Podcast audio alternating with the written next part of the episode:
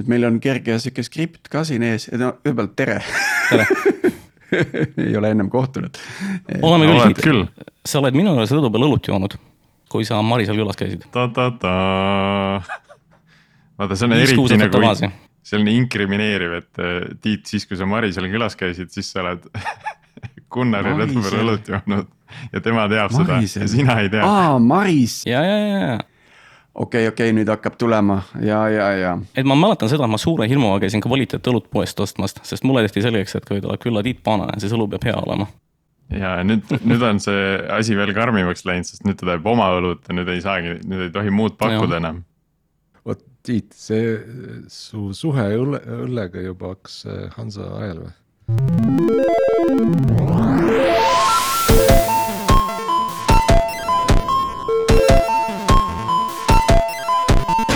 Täna on kahekümne teine oktoober ja oled taas Algorütmi lainel. minu nimi on Tiit Paananen, olen Veriffist ja minuga koos on äh, meie virtuaalses stuudios täna Priit Liivak Nortalist ja Sergei Anikin Pipedrive'ist, tervist, härrased. tervist. ja õnnitlused siis viiekümnenda saate puhul. seda on üsna raske uskuda et kui, kui alguses tundus, et noh, et palju neid teemasid ikka on, et, et siis tänaseks on tegelikult selge, et, et need teemad ei lõpe, et on, on, on vanu asju, millest ei ole veel rääkinud, on uusi asju, mida kogu aeg tuleb peale, nii et äh, väga hea meel teiega koos seda järgmisesse aastasse minna Algorütmiga. Mhm, ja muuhulgas on meil ka aasta otsa salvestamist täis et äh, küll ei ole veel aasta otsa eetrit täis, aga aasta otsa salvestamist on, sest eelmine aasta oktoobris me hakkasime esimeste episoodidega pihta. Äh, ja see aasta on meil äh, täpselt kaks episoodi kuskilt vahelt puudu jäänud, eks olid need jõulud ja midagi veel. just ja, ja tänane saade on samuti väga sellisest, ütleme kogemata populaarsest seeriast, mis on siis nii-öelda ühe arendaja lugu, et ja, ja alamteemana vaatame siis, et kuidas elu näeb välja nagu suurtes ettevõtetes ja, ja selleks oleme palunud saatesse Gunnar Kudrajev, mm, vabandust, Gunnar Kudrajevtsi, äh, kes on näinud nii Microsofti kui ka Facebooki nii seest kui väljast, et äh, tere tulemast saatesse, Gunnar. tere, suur tänu kutsumast. ja, ja, ja äkki räägid mõne sõnaga oma arendaja karjäärist kuulajatele, et kuidas see on, kuidas see on läinud? Äh, no alustame sellest, et nagu selline tüüpiline Tartu tudeng, läksime esimesel aastal tööle. kõigepealt nagu enamus arvutiteaduse tudenguid teevad ähm,. mingi moment hea sõber Targo Tõnisberg lõpetas nagu Eestis töötamise, astus tööle Microsofti ja siis leidis, et hea mõte on ka mind sinna tööle meelitada. aasta oli kaks tuhat, äh, paar kuud tuli õppida, samuti veebruaris olid Londonis intervjuud ja siis kuskil oktoobris alustasime siis nagu Redmondis peakorteris Microsoftis tööd. pärast seda viisteist aastat Microsofti niimoodi lühidalt ja pärast seda siis peaaegu viis aastat Facebooki mm,. ma küsin kohe selle, selle üle, et, et aastal kaks tuhat Eestist Microsofti tööle kandideerimine, et maailm oli veidi teistsugune siis, et et kuidas, kuidas see nagu välja nägi, et ma arvan, et see oli suur osa oli selles nagu õnn, et USA-s oli samal ajal nagu dotcom buum, üheksakümmend üheksa, üheksakümmend kaheksa, kaks tuhat niimoodi. ja klassikaline probleem, et ei ole arvutiteadlasi, ei ole insenere. ja kus sa neid siis saad? no ikka sellisest kas Põhja-Euroopast või Ida-Euroopast. ja kuna nagu elu läks vabamaks, siis isegi Microsoft leidis, et okei okay,, et neil oli nagu noh, praeguse Vene Föderatsiooni programmeerijatega oli selline hea kogemus. ja siis loomulikult mindi ka nagu selliste äh, teiste naaberriikide kallale nii-öelda. ja siis noh, pärast seda äh, Microsofti kandideerimine, siis noh, sa teed mingid esimesed testid ära, telefoniintervjuud niimoodi ära, kus siis sind valideeritakse, et sa noh, tegelikult ka midagi tead.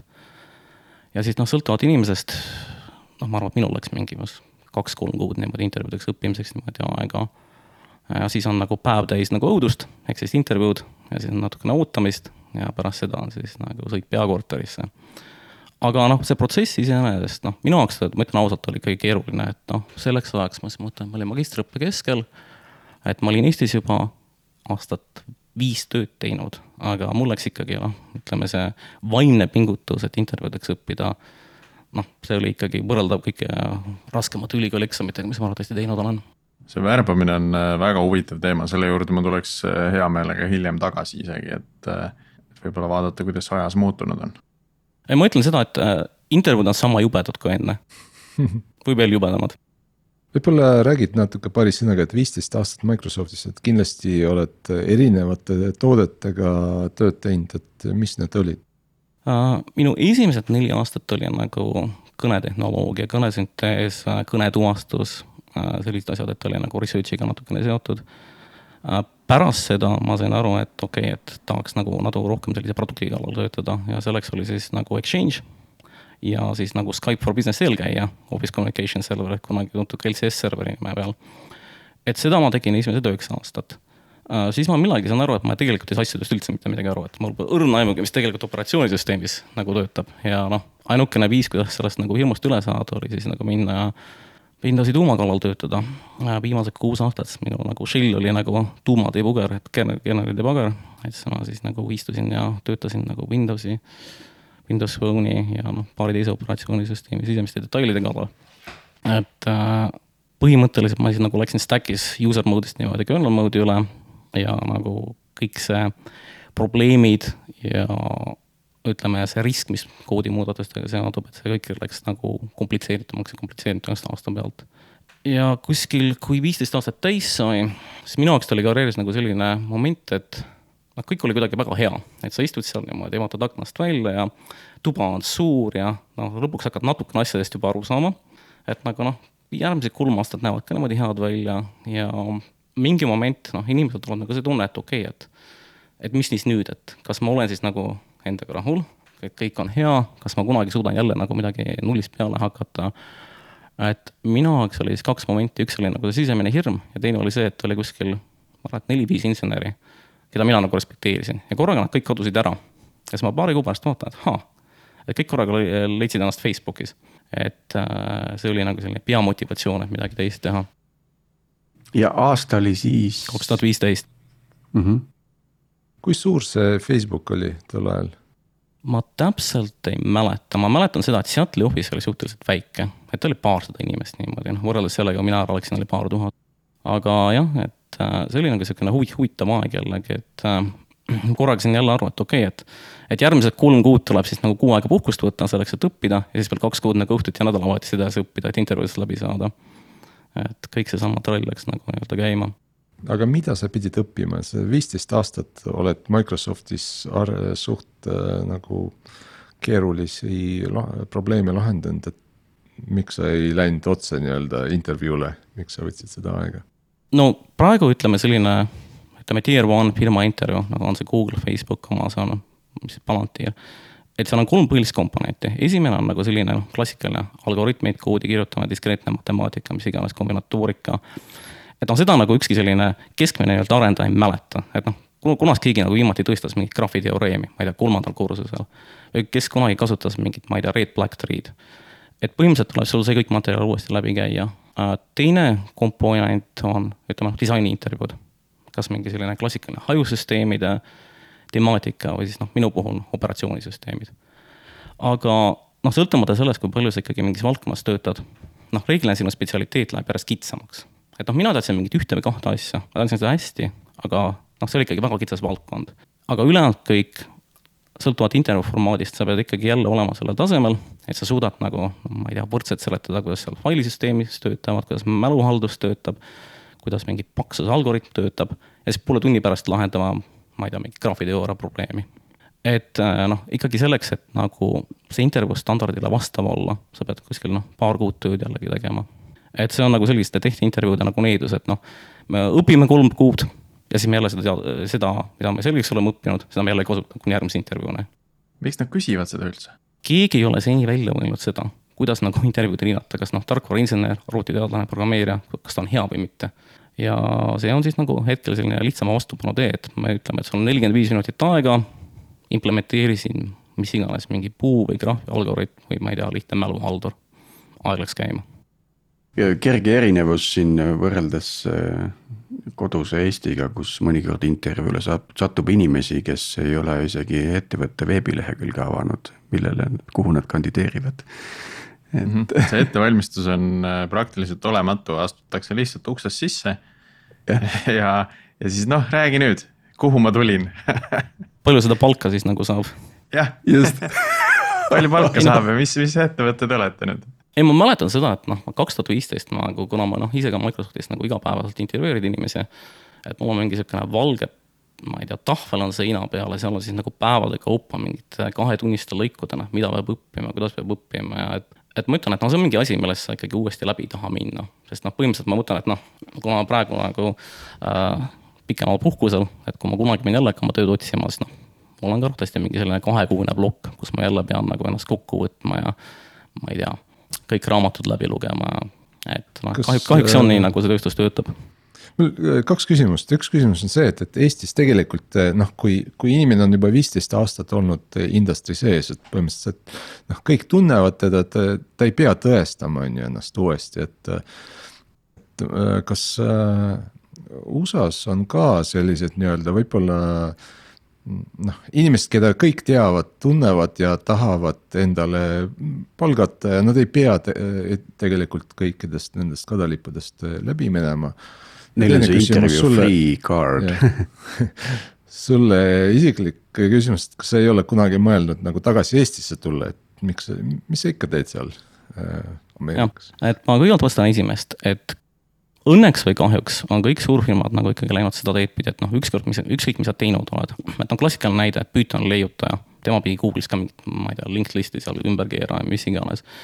et sõltumata sellest, et oled sa ülikooliprofessor, palju sul on publikatsioone, mis sinu level kuskil Google'is, Microsoftis, Twitteris oli, kõik lähevad läbi sama protsessi. et äh, kuna, tähendab, probleem on majanduslik, inseneridele makstakse nii palju palka, et kui võetakse inimesele, inimene tööle, siis ta peab saama sinna juba tippvormis. et noh, kellelgi ole aega teda õpetama hakata, kellelgi ole aega teda nagu toetama hakata. et sa lähed kohale nagu, ma ei tea, Navy Seal selection'ile, et sa pead olema juba võimeline ujuma, ma ei tea, neid kätekõverdusi tegema ja sa pead olema juba tippvormis sellel momendil ja see on selline valideerimise protsess. Eesti kohta kunagi ei tea niimoodi, et noh, minu elu on nagu näidanud seda, et noh, kõik muutub nagu noh, nii kiiresti, et ühel päeval, ma ei tea, oled sa Redmondis, teisel päeval oled sa Zürichis. Facebook, Microsoft, et võib-olla kuu aja pärast ma olen Eestis, võib-olla kuu aja pärast olen ma Nepaalis, et noh, ma ei, ma ei välista seda võimalust. aga nüüd me jõuame siis, jõudsime sinu Facebooki nii-öelda etappi tegelikult juba, et äh, kui sa võtad äh, mõne lausega kokku, mis sa, mis sa Facebookis tegid? no kui ma läksin Microsoftist Facebooki, kõige lihtsam variant oli nagu minna, ma ei tea, Windowsi tuuma asemel mingit Linuxi kernelit häkkida kuskil.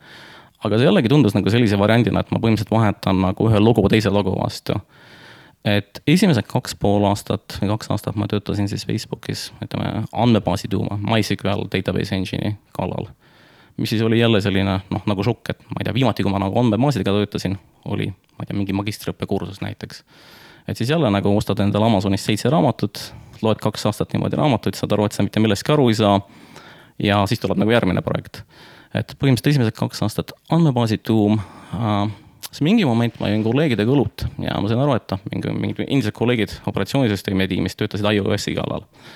et noh, alguses ma viskasin nagu natuke nalja nende üle, et kuulge sõbrad, et mis asi see, et te töötate jälle mingi telefoni äpi alal.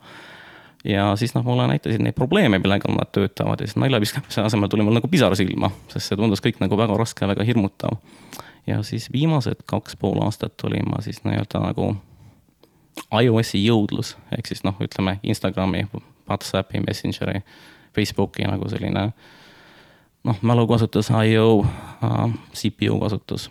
et põhimõtteliselt noh, see kõlab nagu iOS, aga tegelikult ei ole tal nagu telefoniga nagu midagi pistmist selles suhtes, et noh, kõik klassikalised probleemid, et sünkroniseerimine, ma ei tea, kes kuskil, ma ei tea, mingit algoritmi kasutab, palju kui kuskil, ma ei tea, cache ib midagi, et noh, need probleemid olid nagu klassikalised aga. aga see ongi huvitav, et kuidas, kuidas need probleemid sinuni nagu jõudsid või sinu tiimi, et. et seda funktsionaalsust kindlasti arendas keegi teine kuskil, eks ju. ja, ja siis, ja siis ühtäkki nagu oli vaja seda optimeerida. see jõudis kuidagi sinu lauale, et mis see protsess, kuidas see protsess välja nägi? no ütleme, Facebook on väga selline noh, mõõdikute orienteeritud, et me teame põhimõtteliselt kõigi asja kohta kõike, et noh, kui kiiresti midagi käitub, kui. mis stsenaariumit kasutatakse, palju midagi mälu võtab ja on mingid mõõdikud, mis nagu otseselt mõjutavad seda, kui palju produkti kasutatakse. noh, ma ei tea, kõige triviaalsem näide, et kui ma ei tea, Windows boot'iks ennast nagu kolmkümmend minutit keegi kasutaks, kui Windows boot ib ennast nagu kolm sekundit, inimesed kasutavad rohkem ja nii edasi. et on mingi hulk mõõdikuid ja nende mõõdikute ütleme, nii-öelda optimeerimine tähendab seda, et nagu kasutajate hulk läheb ülesse, kasutajate hulk läheb ülesse, saame rohkem reklaami müüa, saame rohkem reklaami müüa, tuleb rohkem raha sisse. Et noh, see on nagu selline triviaalne arvutuskäik. aga probleemide kohta nii palju, et noh, põhimõtteliselt seal on alati rohkem probleeme kui inimesi. et noh, tegelikult need tiimid noh, on see Microsoft või on see Facebook, on tegelikult äärmiselt väiksed. et nad on nagu šokeerivalt väiksed, et ma mäletan esimest korda, et kui ma sain teada, kui palju inimesi kuskil Windowsi tuuma kallal tegelikult töötab. siis noh, mul hakkasid ilmujudinad nagu jooksma, mõtlesin, et vau wow., et ma mõtlesin, et ahaa, huvitav. ja samamoodi noh, noh Facebookis, et noh äh,. kuna see mudel on selline, et me võtame tööle inimesi, kes suudavad palju, siis noh, seal ei ole niimoodi, et sul on nagu kolm tuhat inimest siin või kolmsada inimest siin, et noh, pigem on see on noh, tõesti, et sul on kolm inimest siin hoopis kolm tundub isegi väike nagu Eesti kontekstis äh, tiimi kohta. jah, aga siin on jällegi noh, see nagu erinevus, et, et ma mäletan seda, kui ma esimest korda kuskil nagu töötasin selliste tõsisemate probleemide kallal, et ma mõtlesin seda, et kuidas niimoodi, et siin on kaks inimest töötab selle kallal, et Eestis oleks või kakskümmend inimest töötanud. aga kuna ütleme, sellistel suurfirmadel on võimalus nagu valida endale nagu inimesed, kes siis nagu noh, tõesti nagu pühendavad ennast mingile asjale et noh, kõik see, mis sa teed järgmised kümme aastat, on see, et sa saad aru sellest, kuidas, ma ei tea, mäluhaldus kuskil töötab. või et ma ei tea, sinu PhD oli täpselt selles valdkonnas, mida meil vaja on. et noh, siis lihtsalt sul on nagu noh, sul on väga vähe inimesi, nad teavad mingeid detaile, noh, väga kitsalt ja sellest tulenevalt ongi nagu tiimide hulk suur, tiimide, tiimides on väga vähe inimesi. kas äh, selle tõttu ka noh, see koostöö on efektiivsem, eks ole, eks sa oled kahekesi või kolmekesi versus, et sa oled äh, seitse, et noh, mida, mida vähem seda, seda kiiremini see info liigub, seda tõhusamalt need inimesed saavad koos töötada, kasvõi igapäevaselt. minu kogemusel küll, sest noh, äärmiselt raske on nagu koordineerida midagi, et kui seal on nagu noh, kolm tuhat inimest ja siis me korraga teeme mingit koodimuudatust. et noh, sul on palju efektiivsem võtta mingid kaks tüüpi, jätta nad nädalaks ajaks rahule niimoodi, et ukse alt niimoodi pitsat ja Coca-Colat niimoodi sisse lükata ja et palun parandage ära. Et noh, mina olen nagu selline tugev uskuja sellesse, et nagu väikesed tiimid on efektiivsed samas seal on see juhtimisülesanne on päris äh, nagu suur, et äh, et kuidas sa neid väikseid tiime niimoodi hoiad pisi, et, et sellest ka nagu lõpuks tuleks kokku tootemuudatus, mis nagu olulise, olulise mm, uue, ma ei tea, turuniši või, või uue kasutuskonna nagu ligi meelitab, eks ju.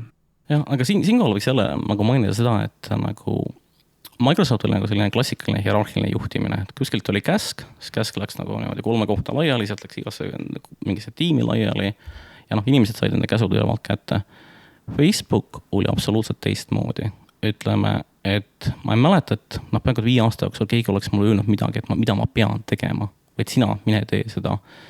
et noh, ütleme selline management'i roll oli puhtalt selline servant leadership. et noh, ma ei tea, et kuule, mul on kahte uute monitori vaja, kas keegi aitab või. et ma ei viitsi sinna koosolekule minna, äkki sina käid palun minu eest selle koosolekul ära. et noh, põhimõtteliselt oli see selline nagu Wild West, et kergelt selline taotluslik kaos. et äh, juhtimine seisnes selles, et noh, inseneridena me põhimõtteliselt tegime seda, mida me tahtsime ja siis tiimis nagu omavahel leppisite need prioriteedid põhimõtteliselt kokku ja, ja, ja siis hoolitsete selle eest, et, et kommunikeerite te ka teistele, kes on teist sõltuvad ja, ja kellest teie olete sõltuvad. et see vastutus oli nagu noh, puhtalt ikkagi inseneride peale lükatud, et noh, ei olnud nagu sellist rolli, et on nagu projektijuht ja mingi kommunikatsioonijuht ja sul on mingid sellised Scrum koosolekud või mis iganes, et noh.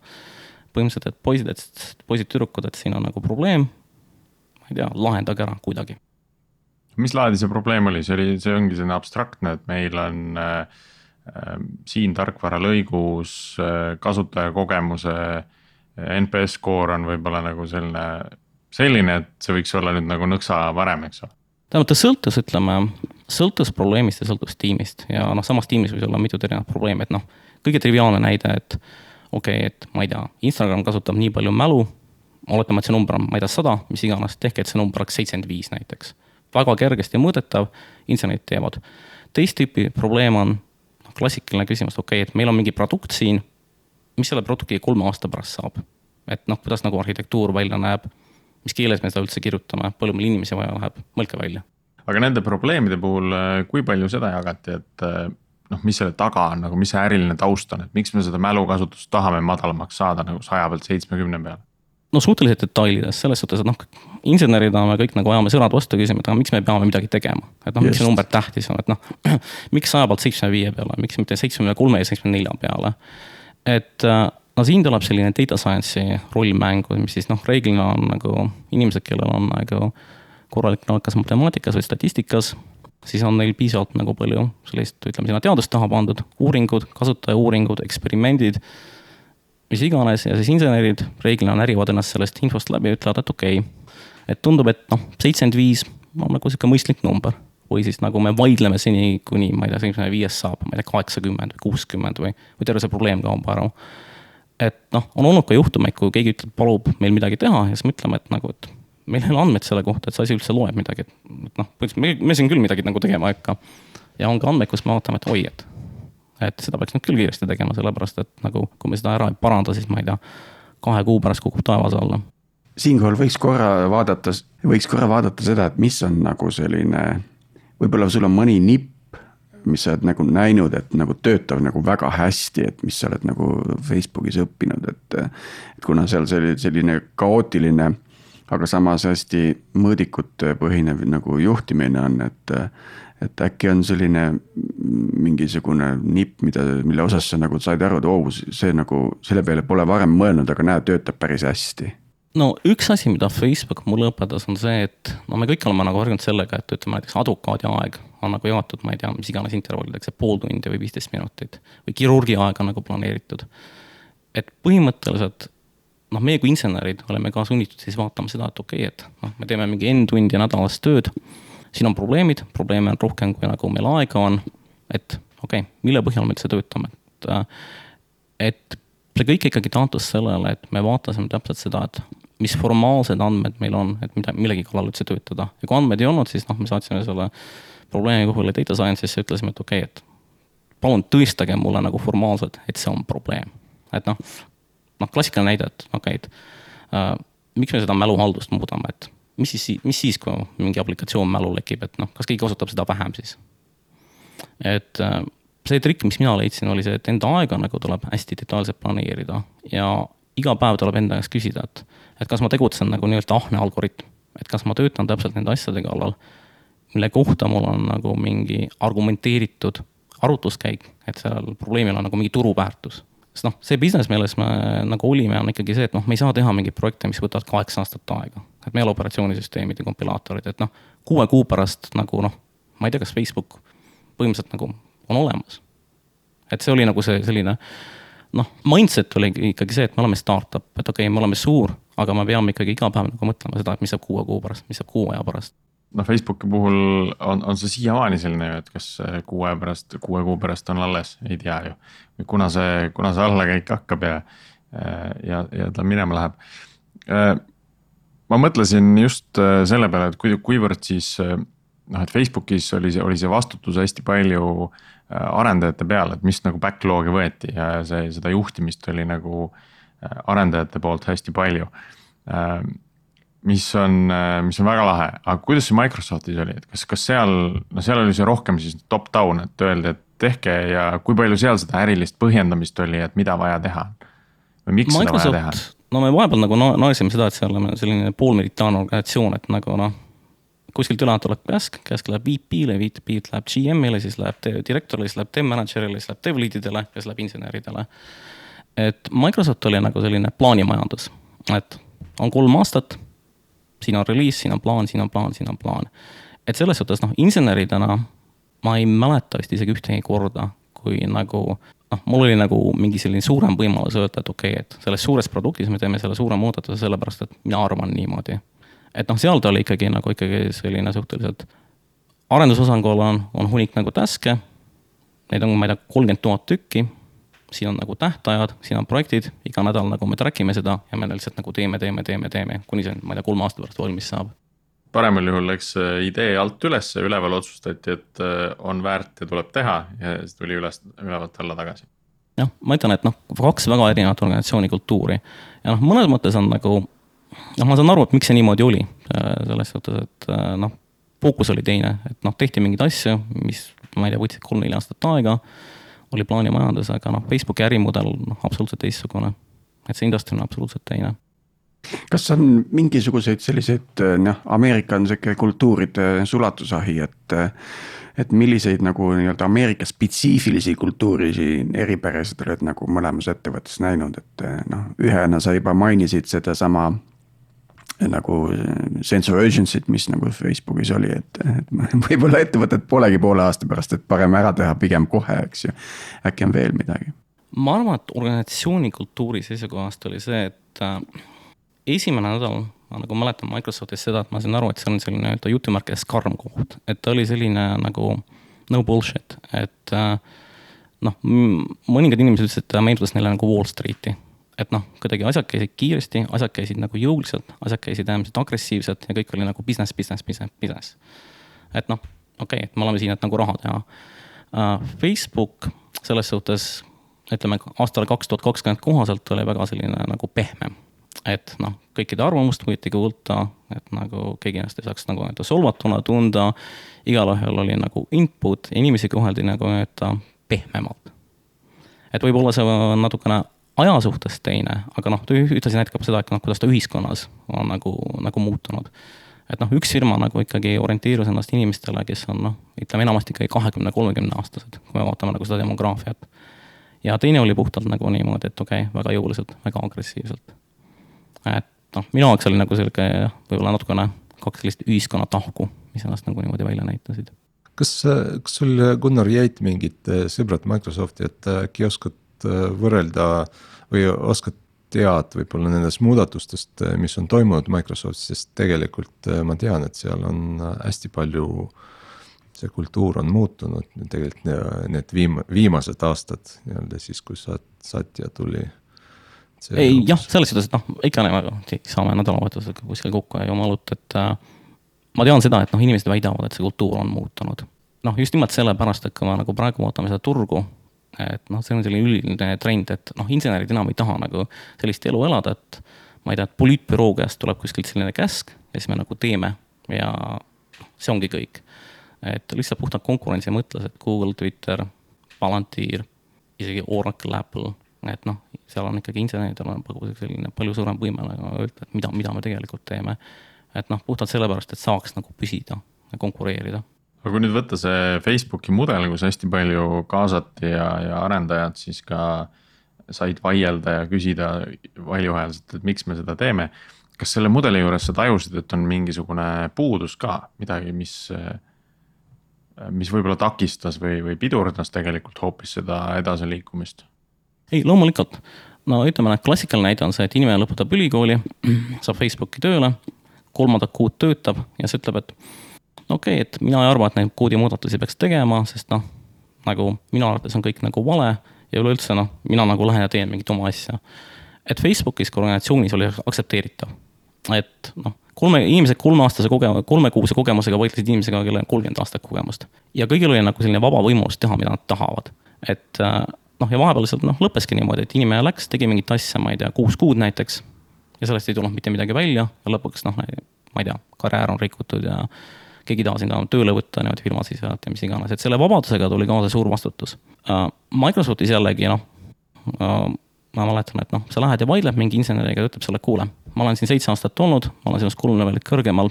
et see on väga tore, et sul on oma arvamus, aga noh, see ei loe ja noh, samamoodi, sul võib olla situatsioon, kus noh, minu idee on nagu tehniliselt parem. et neil mõlemal mudelil on omad nagu head ja vead. et ma ei tea, ma ei ole kindel, kus see nagu selline õige lahendus on, et noh, kuskil peab kuldne kesktee olema, aga ma ütlen, suure vabadusega tuleb suur vastutus.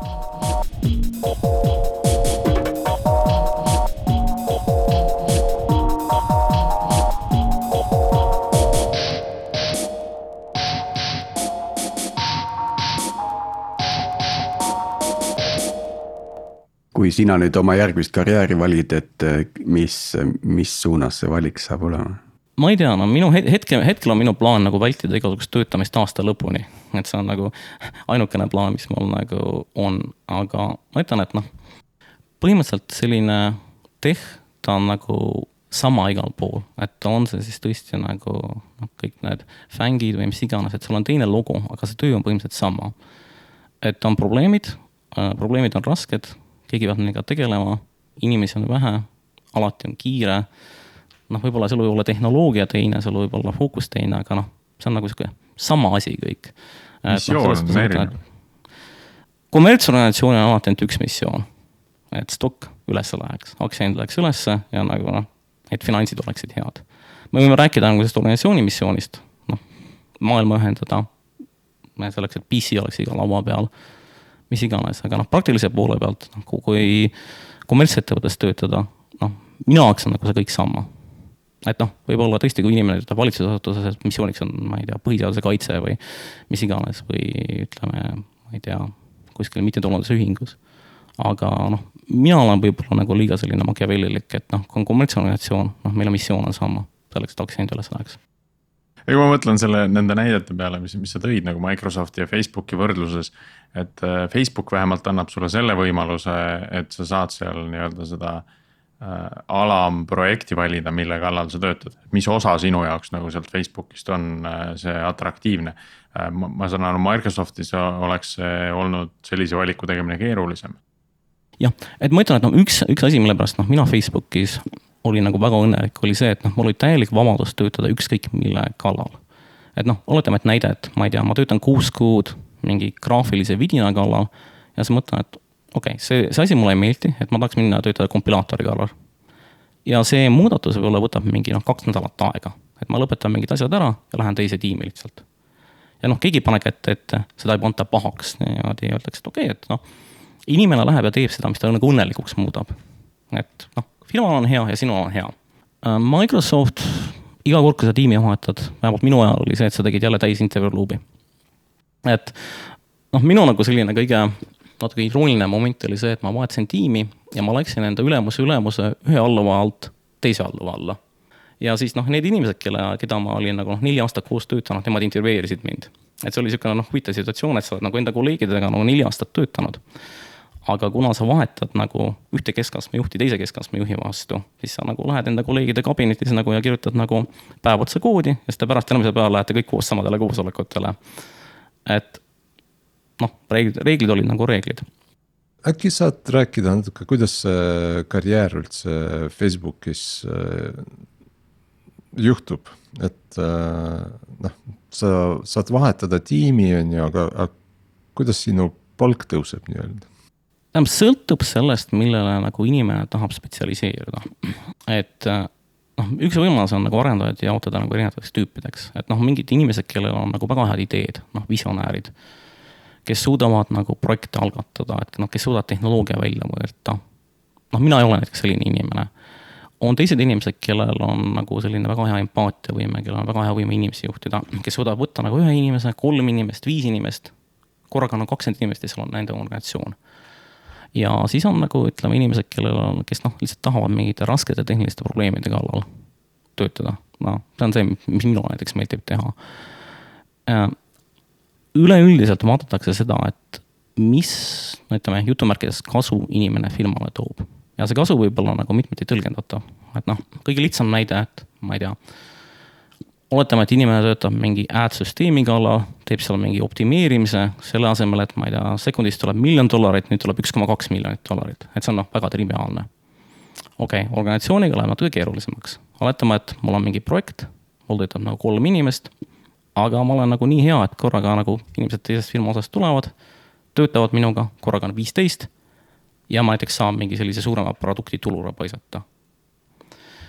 et see kasu on nagu noh, sõltub natukene sellest, mis on nagu sinu tüüp. ja see, kuidas sa nagu suudad kas seda müüa või nagu näidata seda, et kuidas see nagu firmat kaasa aitab. et noh, seal ei ole nagu sellist väga kerget mudelit, et äh, kui sa suudad nagu, ma ei tea, selle raskusastme ülesannet lahendada ma olen kuulnud selle Facebooki jah, nii-öelda kasvufaktori nii-öelda mõju, noh, olulisusest. aga ma ei saa aru, et kas seal on mingi formaalne süsteem, kus sul on mingisugused ma ei tea, badge'id või lipikud sa, mida sa saad korjata või kui, eh, kuidas see akumuleerub nii-öelda? no on mingid formaalsed näitajad niimoodi, näiteks äh, Facebook on selles suhtes häkkerikultuur, et noh, no üks noh, selline triviaalne näitaja on see, et nagu palju näiteks selline inimene, kelle eesmärk on tehnilist tööd teha, noh näiteks koodi kirjutab. et see tundub natukene noh, nagu naljakas, aga noh, põhimõtteliselt reaalses elus on suur vahe, kas sa kirjutad, ma ei tea, kolmkümmend rida kuus või sa kirjutad kolmkümmend tuhat rida kuus. Teine tehniline näitaja on jällegi noh, mingite mõõdikute muutmine. noh, oletame, et ma ei tea, selle asemel, et äh, me kirjutasime kuskil mingis sekundis nii mitu baiti kõvakettale, SSD ketab põlesid kiiresti läbi, nüüd me kirjutame palju vähem ja me saame nagu näidata seda. ja siis lähevad mõõdikud juba natuke abstraktsemaks, et noh, näiteks mõju inimestele et okei okay,, et sa oled selline senior arendaja, et noh, palju, noh, mida, mida näiteks sinu kolleegid arvavad, et kas nad on sinu käest õppinud midagi? Et noh, kas sina oled nagu aidanud seda, keegi on nagu paremaks saanud uh,? palju on sinu pärast inimesi näiteks Facebooki tööle tulnud? et noh, kui sa saad näidata, et okei okay,, et vaata, et nagu viis inimest leidis, et nagu mina teen sellist asja, nad tahavad sinuga koos töötada mittetehnilistest detailidest ta läheb nagu natukene hägusamaks, et seal ei ole nagu sellist formaalset algoritmi, et kui ma teen nagu seda, siis on mul nagu selline review hinne või kui ma teen seda, on mul teistmoodi review hinne. kui ja palju no, see. mida, mida ülespoole, seda hägusam kõik on anyway.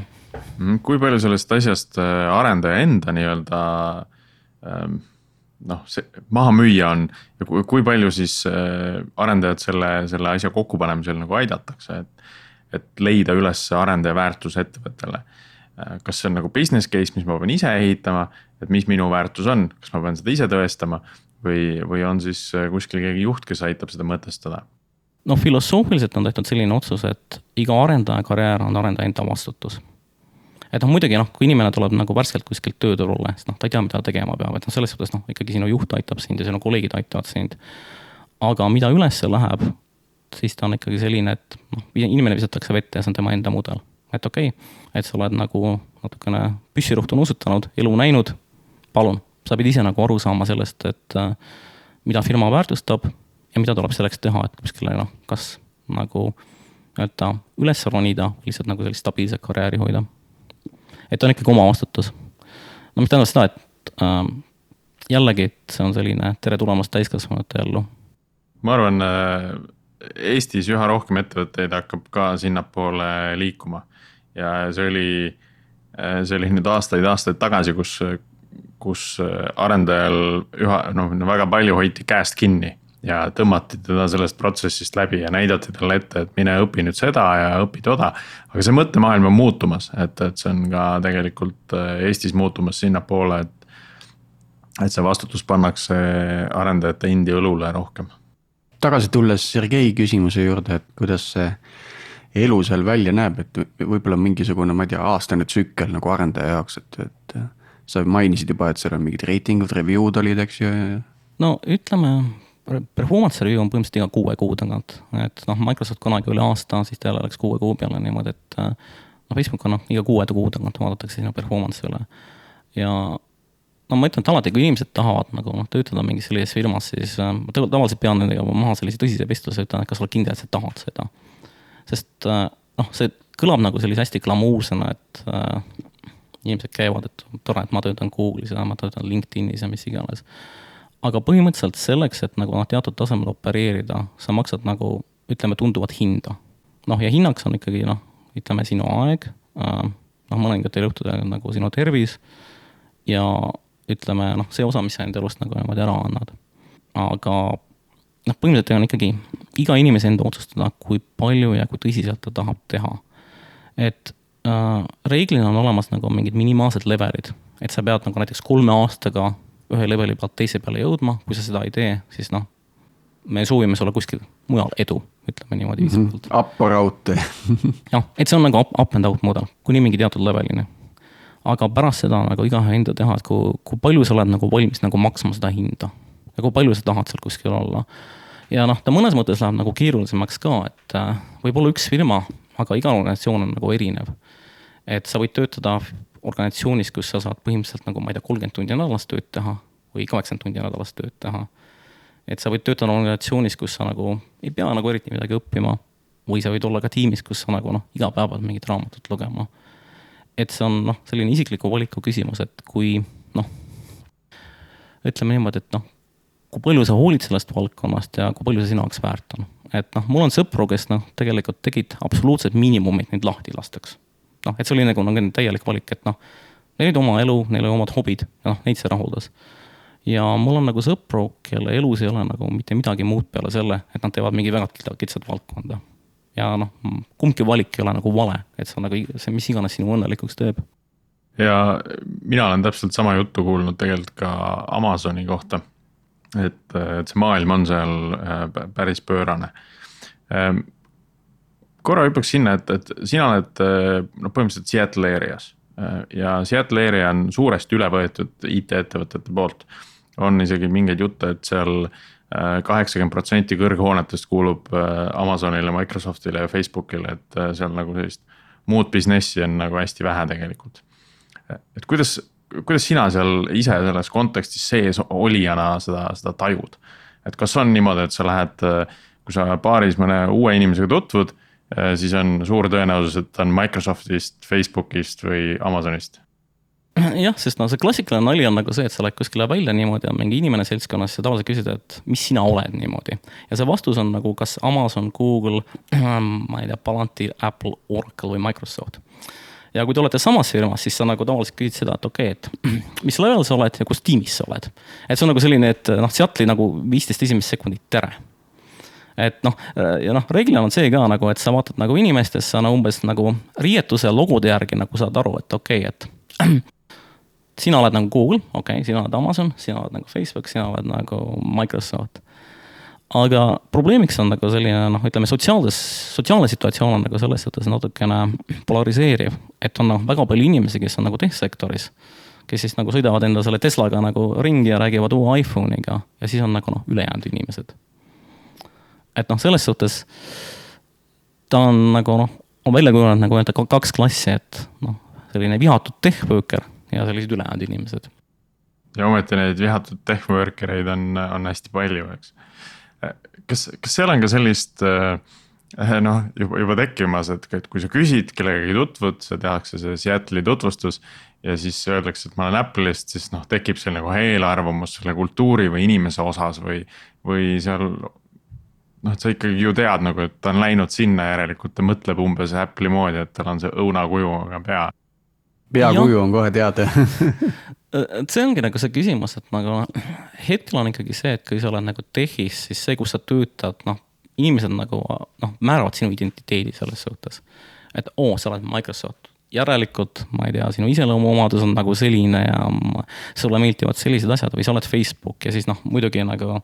ma noh, kui sa ütled, et sa oled Facebook, siis nagu järgmised pool tundi räägitakse sellest, kui halb inimene sa oled äh,. seoses valimiste ja mis muude asjadega, aga noh, ta on kahjuks ikkagi see, et jah, et sul on nagu stereotüübid. et noh, reeglina, et noh, ma ise ei ole nagu ühegi tech-firma sümboliga ühtegi asja, ma ei mäleta, viimased kümme aastat kandnud. no puhtalt juba sellepärast niimoodi, et noh, ebameeldiv on nagu lennata kolm tundi niimoodi ja sinu kõrval inimene ei saanud näiteks mis iganes intervjuust läbi, siis ta sõimab sind kolm tundi lennukis lihtsalt. sellepärast, et sina kuulud mingisse teatud gruppi. Äh, et ta on jah niimoodi, et sind kategoriseeritakse mingisse tüüpi sinu tööandjale vastavalt. päris jõhker. päris jõhker jah, et äh, natuke vaataks veel seda, et sa mainisid, et tegelikult seal Facebooki sees oli ka nagu noh, nii töökoormuse kui ka mm, sisu osas nagu noh, väga palju erinevusi aga kui palju oli nagu ühist, et noh, ma mõtlen siin tooling ut ja võib-olla arendusprotsess, mingisugused best practice'id, see, see pool. see oli jälle selline huvitav pool, et firma tegi sellise otsuse põhimõtteliselt, igaüks võib kasutada seda, mida ta tahab. mis tähendab seda, et see oli nagu kolm arendajat, ühel oli, ma ei tea, OpenBSD laptop, teisel oli Mac ja kolmandal oli Windows üks kirjutas enda koodi Luas, teine kirjutas C++-is ja kolmas kirjutas Haskellis ja PHP-s. et äh, ma mäletan seda, et mingi, mul oli mingi projekt, kus ma pidin kedagi aitama ja kuskil ühel samal päeval ma pidin viies erinevas programmeerimiskeeles mingit koodi kirjutama. et äh, ta oli nagu selles suhtes hästi huvitav, et jällegi see oli see, et noh, teil on vabadus teha ükskõik mis iganes vahendiga ükskõik millist asja. et äh, ratsionaalsus oli nagu see, et inimesed teevad selles, mis neile meeldib ja siis nad on produktiivsed õnnelikud. Noh, versus näiteks Microsoft, kus oli ikkagi see, et okei okay,, et sõbrad, et me koodi kirjutame C ja C++-is, enamus tiimides. ja, ja, ja mitte ainult Microsofti enda töötajad, vaid ka äh, ükskõik, kes tahab Microsofti ökosüsteemile kirjutama, siis ta peab kas C++-is või C-Sharpis kirjutama või .NET-is, et muud varianti väga ei olnud.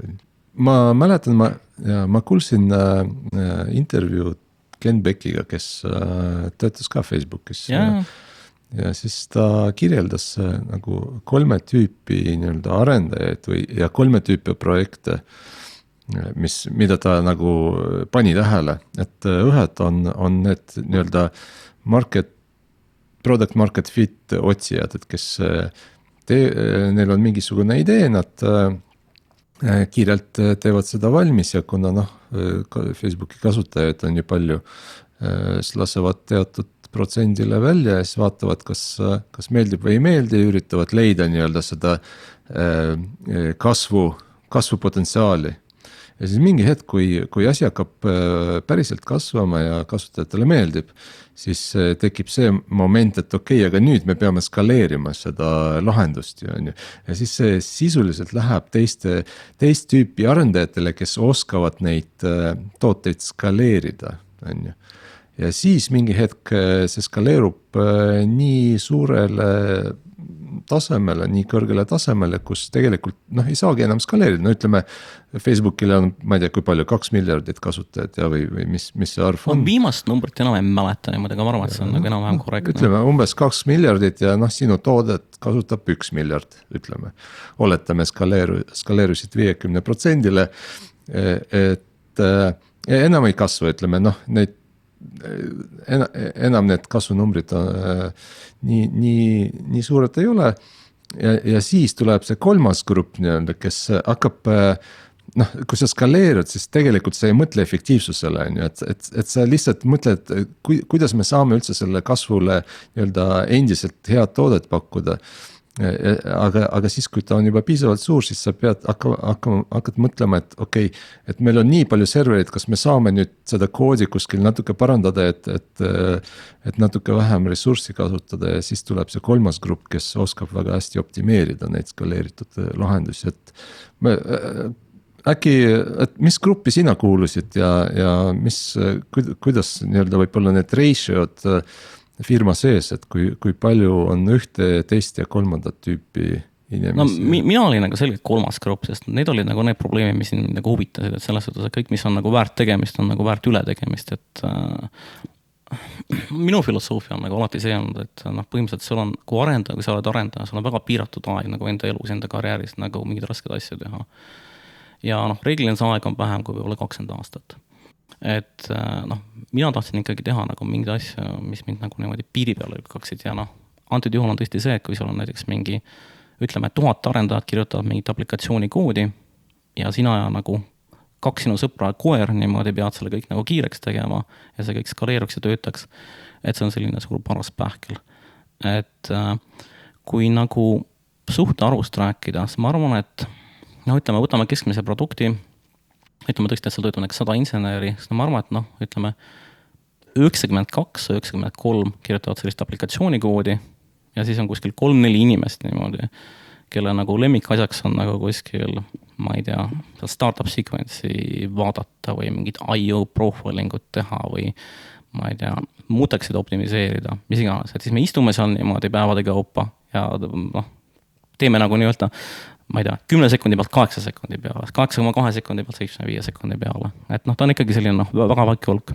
Äkki on sul mingi, mingi näide või mingi sihuke optimeerimine, mille üle sa, sa tunned kõige rohkem uhkust, et, et mis on nii-öelda äh, ühe väikse näpuliigutusega on toonud hästi palju efekti no ütleme, et nagu sellist näpuliigutuse asja ei olnud, aga mingid probleemid, mille kallal ma töötasin, noh kas andmebaasi kernelis äh,, tähendasid seda, et äh, no ma kahjuks nagu täpselt numbreid ei saa öelda niimoodi, aga ütleme niimoodi, et äh, Facebooki selline andmekasutus ja kõvaketast elu läks nagu noh, ütleme tunduvalt paremaks. ja teine asi oli siis noh no,, klassikaline selline Facebooki aplikatsioon iPhone'i peal niimoodi, kus siis nagu ma ei tea, mingid asjad läksid tunduvalt kiiremaks, kasutasid vähem ressursse, kus siis nagu noh, mingi ühe päeva, ühe või kahe päeva tööga niimoodi tänu mingitele erinevatele teadmistele sai kas mingeid algoritme parandatud niimoodi või andmestruktuure parandatud. Kas seal tuleb ka sellist tagasiside asja sisse, et noh, et sa vaatad, sa saad selle koodi, mille keegi teine on kirjutanud ja siis järjepidevalt leiad, et oo oh,, et siin on nii, ma ei tea, kehva SQL-i kirjutatud või mingeid klassikalisi vigu tehtud, mida tegelikult üks arendaja ei tohiks teha, et siis lähed äh, vihjad mõnele juhile, et, äh, et selle, selle, selle arendajaga tuleks vestelda tema, tema koodi kvaliteedist reeglina põhimõtteliselt isegi selliseks asjaks nagu aega ei ole, et kuna selline noh, operational tempo on nagu nii kiire, et kui sa näed mingit probleemi, noh, sul on nagu odavam endal see kõik nagu ära parandada. Et noh, selle asemel, et kuskile minna ja noh, noh reeglina üldse, et sa juhi, juhiga nagu noh, minu, mina nagu põhimõtteliselt nagu niimoodi rääkinud, et kui sa rääkisid, sa rääkisid arendajaga otse niimoodi, et noh, kellelegi ei meeldi, kui tema peale keegi kaebab. aga noh, põhimõtteliselt ikkagi see filosoofia oli selline, et kui kuskil on probleem, noh siis nüüd on see sinu probleem et sa ei lähe nagu kellelegi ütlema, et kuule, et sina tegid mingi suure vea ja ole hea, paranda ära. et noh, põhimõtteliselt noh, kõik oli sinu otsustada. kui see hakkab nagu korduma, et siis ühel hetkel see toodab sulle tööd juurde, on ju, et lihtsam on minna siis seda arendajat natukene koolitada ja. Ja loota, et edaspidi sedalaadi vigu on vähem. ütleme niimoodi, et suht vähe on nagu selliseid nagu juhtumeid, kus äh, sa näed nagu mingi ühe inimese poolt tehtud nagu selliseid äh, suure hulka vigasid, et põhimõtteliselt sellised probleemid no kui nad isegi on, siis nad kiiresti nagu lahendatakse ära kasvõi kohalikus tiimis ka, no suur tõenäosus on see, kui inimene teeb nagu mingeid selliseid suuremaid fopaasid kuskile, et keegi teine nagu märkab ka ja see lahendatakse kiiresti ära. Äh, aga üks huvitav asi, mis sa ütlesid, tagasiside, et äh, noh, üks asi, mis mulle nagu noh, Facebookis meeldis, oli see, et ikkagi nagu tagasiside oli inimestevaheline otsene, et puudus selline nagu kolmnurkskeem et noh, ma ei tea, kui mina ja Sergei koos töötame ja mina vaatan, et hmm, et Sergei nagu allokeerib mäluga, ei kontrolli, et nagu pointer on null, et ma ei lähe nagu Sergei juhi juurde nagu kurtma sellele, ma ütlen, et kuule, et miks sa teed niimoodi, et äkki teeme paremini või on mingid muud variandid nagu seda teha. et noh, see mulle nagu organisatsiooni kultuuri juures nagu meeldis, et nagu noh, kõigil oli kõigile võimalus otse tagasisidet anda. Et see kaotas ära nagu sellised klassikalised nagu, et tuli tagasiside kellegi käest, pole selge, kelle käest ja kuna see millal, et noh töökultuur oli nagu palju parem, et noh, selline. ma olin nagu tunduvalt õnnelikum nagu iga päev, kui ma tööle läksin. hästi ei kujuta ettegi, kuidas seda läbi juhi vahendada, sest see juht nagu kaotab pooled detailid ära, sest äh, tuleb ja ütleb, et kuule mäluga oli mingi jama siis. et ei mäleta täpselt, aga mingi jama oli mäluga. mulle öeldi midagi, et mingi mäluga oli sinu koodis mingi värk, et juba kolm korda kuulen, et mingi mäluga mingi error, mis, mis toimub. et ei mäleta või, mis värk on? see telefoni mängimine võib päris raske olla. Äh, sa mainisid, äh, Gunnar, et sa äh, parandasid andmebaasi kernelit, et mis andmebaasiga üldse tegu oli, et, et kas see oli mingi oma sisemine andmebaas või see RocksDB, mida nad on teinud või mis see oli?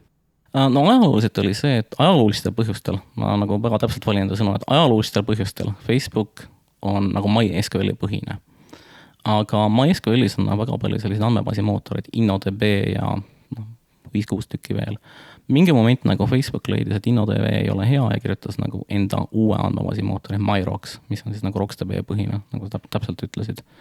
et noh, see oli nagu see, mis ma töötasin, et nagu suurest kurbusest igal õhtul lugesin nagu kakssada lehekülge mingit andmebaasi teooriat, indeksite ja kirjete ja mis iganes andmestruktuuride kohta ja siis nagu järgmised päevad siis nagu püüdsin nagu viit rida koodi parandada, ilma selleta, et kassipildid kaduma läheksid. Aga mis see, mis see vahe on RocksDB ja nüüd nende praeguste äh, tavapäraste MySQL-i mootorite vahel? ütleme niimoodi, et see mootor oli esmalt optimeeritud Facebooki mudeli jaoks. et noh, põhimõtteliselt ei olnud tähtis see, et keegi kuskil mujal oleks saanud efektiivselt kasutada. et noh, kuna äh, see, kuidas Facebook andmeid kasutab, seal on noh on nagu mingi täpne spetsiifika ja kuna iga, iga millisekund oli tähtis, iga bait oli tähtis, siis kõik see oli nagu optimeeritud meie sisemiseks kasutamiseks. et noh, see on samamoodi, et äh, ma ei tea, võib minna rätsepa juurde, endale selline korralik ülikond tellida või osta kuskilt mingi selline kõigile tehtud ülikond. et see oli see, see oli nagu selline põhierinevus. sest noh äh,, noh ühest küljest, et ma ei tea, ma mäletan seda, et minul oli mingi aasta, kus minu performance review'd olid umbes sellised, et minu terve kuus kuud oli ma ei tea, numbrist null koma kaheksa sai number null koma kuus. ja kui noh, selle peale vaadata, mõtled, noh, mida inimene on kuus kuud teinud niimoodi. aga kui sul on nagu nii suur nagu selline andmete hulk, mis läheb läbi, siis noh, isegi ma ei tea, mis iganes null koma null null null mitu protsenti millegi parandamine. et noh, see on tegelikult selline väga suur samm. aga ma ütlen, et noh, jällegi näide sellest, et kuidas performance review välja näeb. null koma kaheksast sai null koma kuus ja järgmise kuue kuu pärast saime nagu üks koma kahest kaks koma kaheksa näiteks aga noh, seda kindlasti saab äh, mingites numbrites, äh, muudes numbr-, suurtes numbrites väljendada, on ju, et kui, kui mitu tunde nii-öelda ooteaega on äh, või päevi ooteaega kasutajatele on sellega säästetud, on ju. aga nüüd võiks otsad vaikselt kokku tõmmata, lõppu küsiks seda, et et nüüd soovitused, et, et meil ka kindlasti IT-tudengeid kuulab, eks ju, ja, ja noh selles võtmes on varem ju räägitud sellest, et, et tegelikult see töötamine suures ettevõttes on väga hea kool, eks ju, et, et kui sa nüüd mõtled kasvõi oma ettevõtte peale, et. et siis see, see on, tasub käia nagu kuskilt läbi ennem, et aru saada. kuidas suured süsteemid sest... välja näevad see on ikkagi natukene noh, teistmoodi, et äh, kui sa oled nagu tiimis, kus on kümme tuhat arendajat versus kümme arendajat versus sada arendajat Äh, ja teine asi on see, et ma ei tea, noh, minu jaoks on see kõik olnud väga selline noh, et ta on mulle alandlikkust õppinud, et kui sa ikkagi lähed kuskile mingis firmas töötama, ma mäletan, minu esimene tiim on see, et ma ei tea, kolm inimest on MIT-s, üks on Harvardist, üks on Princetonist ja siis ma istun seal niimoodi enda kabinetis ja mõtlen, et noh, kunas nad minu nüüd lahti lasevad. või ma ei tea, mõni kolleeg, kes võitis ära üle hiinalise matemaatika olümpiaadi, et noh, mul tuleb nagu nututuju selle peale peale. et annab sellise hea nagu noh, ütleme objektiivse hinnangu selle kohta, kuhu sa nagu selles hierarhias kuulud. et noh, mina nagu noh, Facebookis saan väga, väga nagu selgeks selle, et et okei okay,, et noh, on mingid asjad, mida ma ei oska, mida ma ei saa mitte kunagi oskama teha ja noh, et okei okay,, ma olen nagu nüüd näinud, et kuidas nagu head tarkvarainsenerid töötavad. aga võib-olla ma nagu ütleks, julgustuseks kõikidele, et noh, kui kellelgi on nagu mingi mõte, et nad tahaksid kuskil töötada niimoodi noh, mingis suuremas ettevõttes, et noh, kindlasti tuleks seda proovida teha. aga noh, tuleb ka sellest rääkida, et noh, on mingid eeltingimused ja noh, ma soovitaks, et inimesed ikkagi nagu lõpetaksid kooli näiteks ära. et noh, me saame nüüd küll öelda, et nagu Bill Gates ja Mark Zuckerberg ei ole nagu Harvardi ära lõpetanud. aga noh, nad on ikkagi pigemad erandid kui see, et nagu, et sul ei ole vaja koolis käia. ja noh, teine asi on ikkagi see, et sul peab olema väga selline soliidne baas, noh, arvutiteaduses. noh, mitte matemaatikas, mitte statistikas, mitte füüsikas, mis iganes, aga just arvutiteaduses et äh, noh, enne kui inimesed näiteks proovivad kuskile intervjuudele minna, et noh, see töö tuleks ikkagi ära teha. sest noh, muidu on nagu noh, äärmiselt raske on sellest kõlast läbi saada. ja ma ei tea, kui kellelgi on küsimusi, siis alati võib mind nagu internetidest üles leida niimoodi ja sõnum saata, et noh, püüan nagu jõudumööda aidata. aitäh, Gunnar, see oli väga hea sissevaade äh, nüüd Ameerika suurtesse ettevõtetesse, selge on see, et latt on kõrgel ja eks see on ka meie ülesanne seda Eestis, seda latti kõrgemale kogu aeg nihutada et äh, aitäh kaassaatejuhtidele ja aitäh kuulajatele äh,. jällegi üleskutse, kui äh, Facebooki satute äh,, tehke ettepanekuid teemade ja külaliste osas meie lehel. ja siis järgmiste kohtumisteni. suur tänu, suur tänu jällegi kutsumast.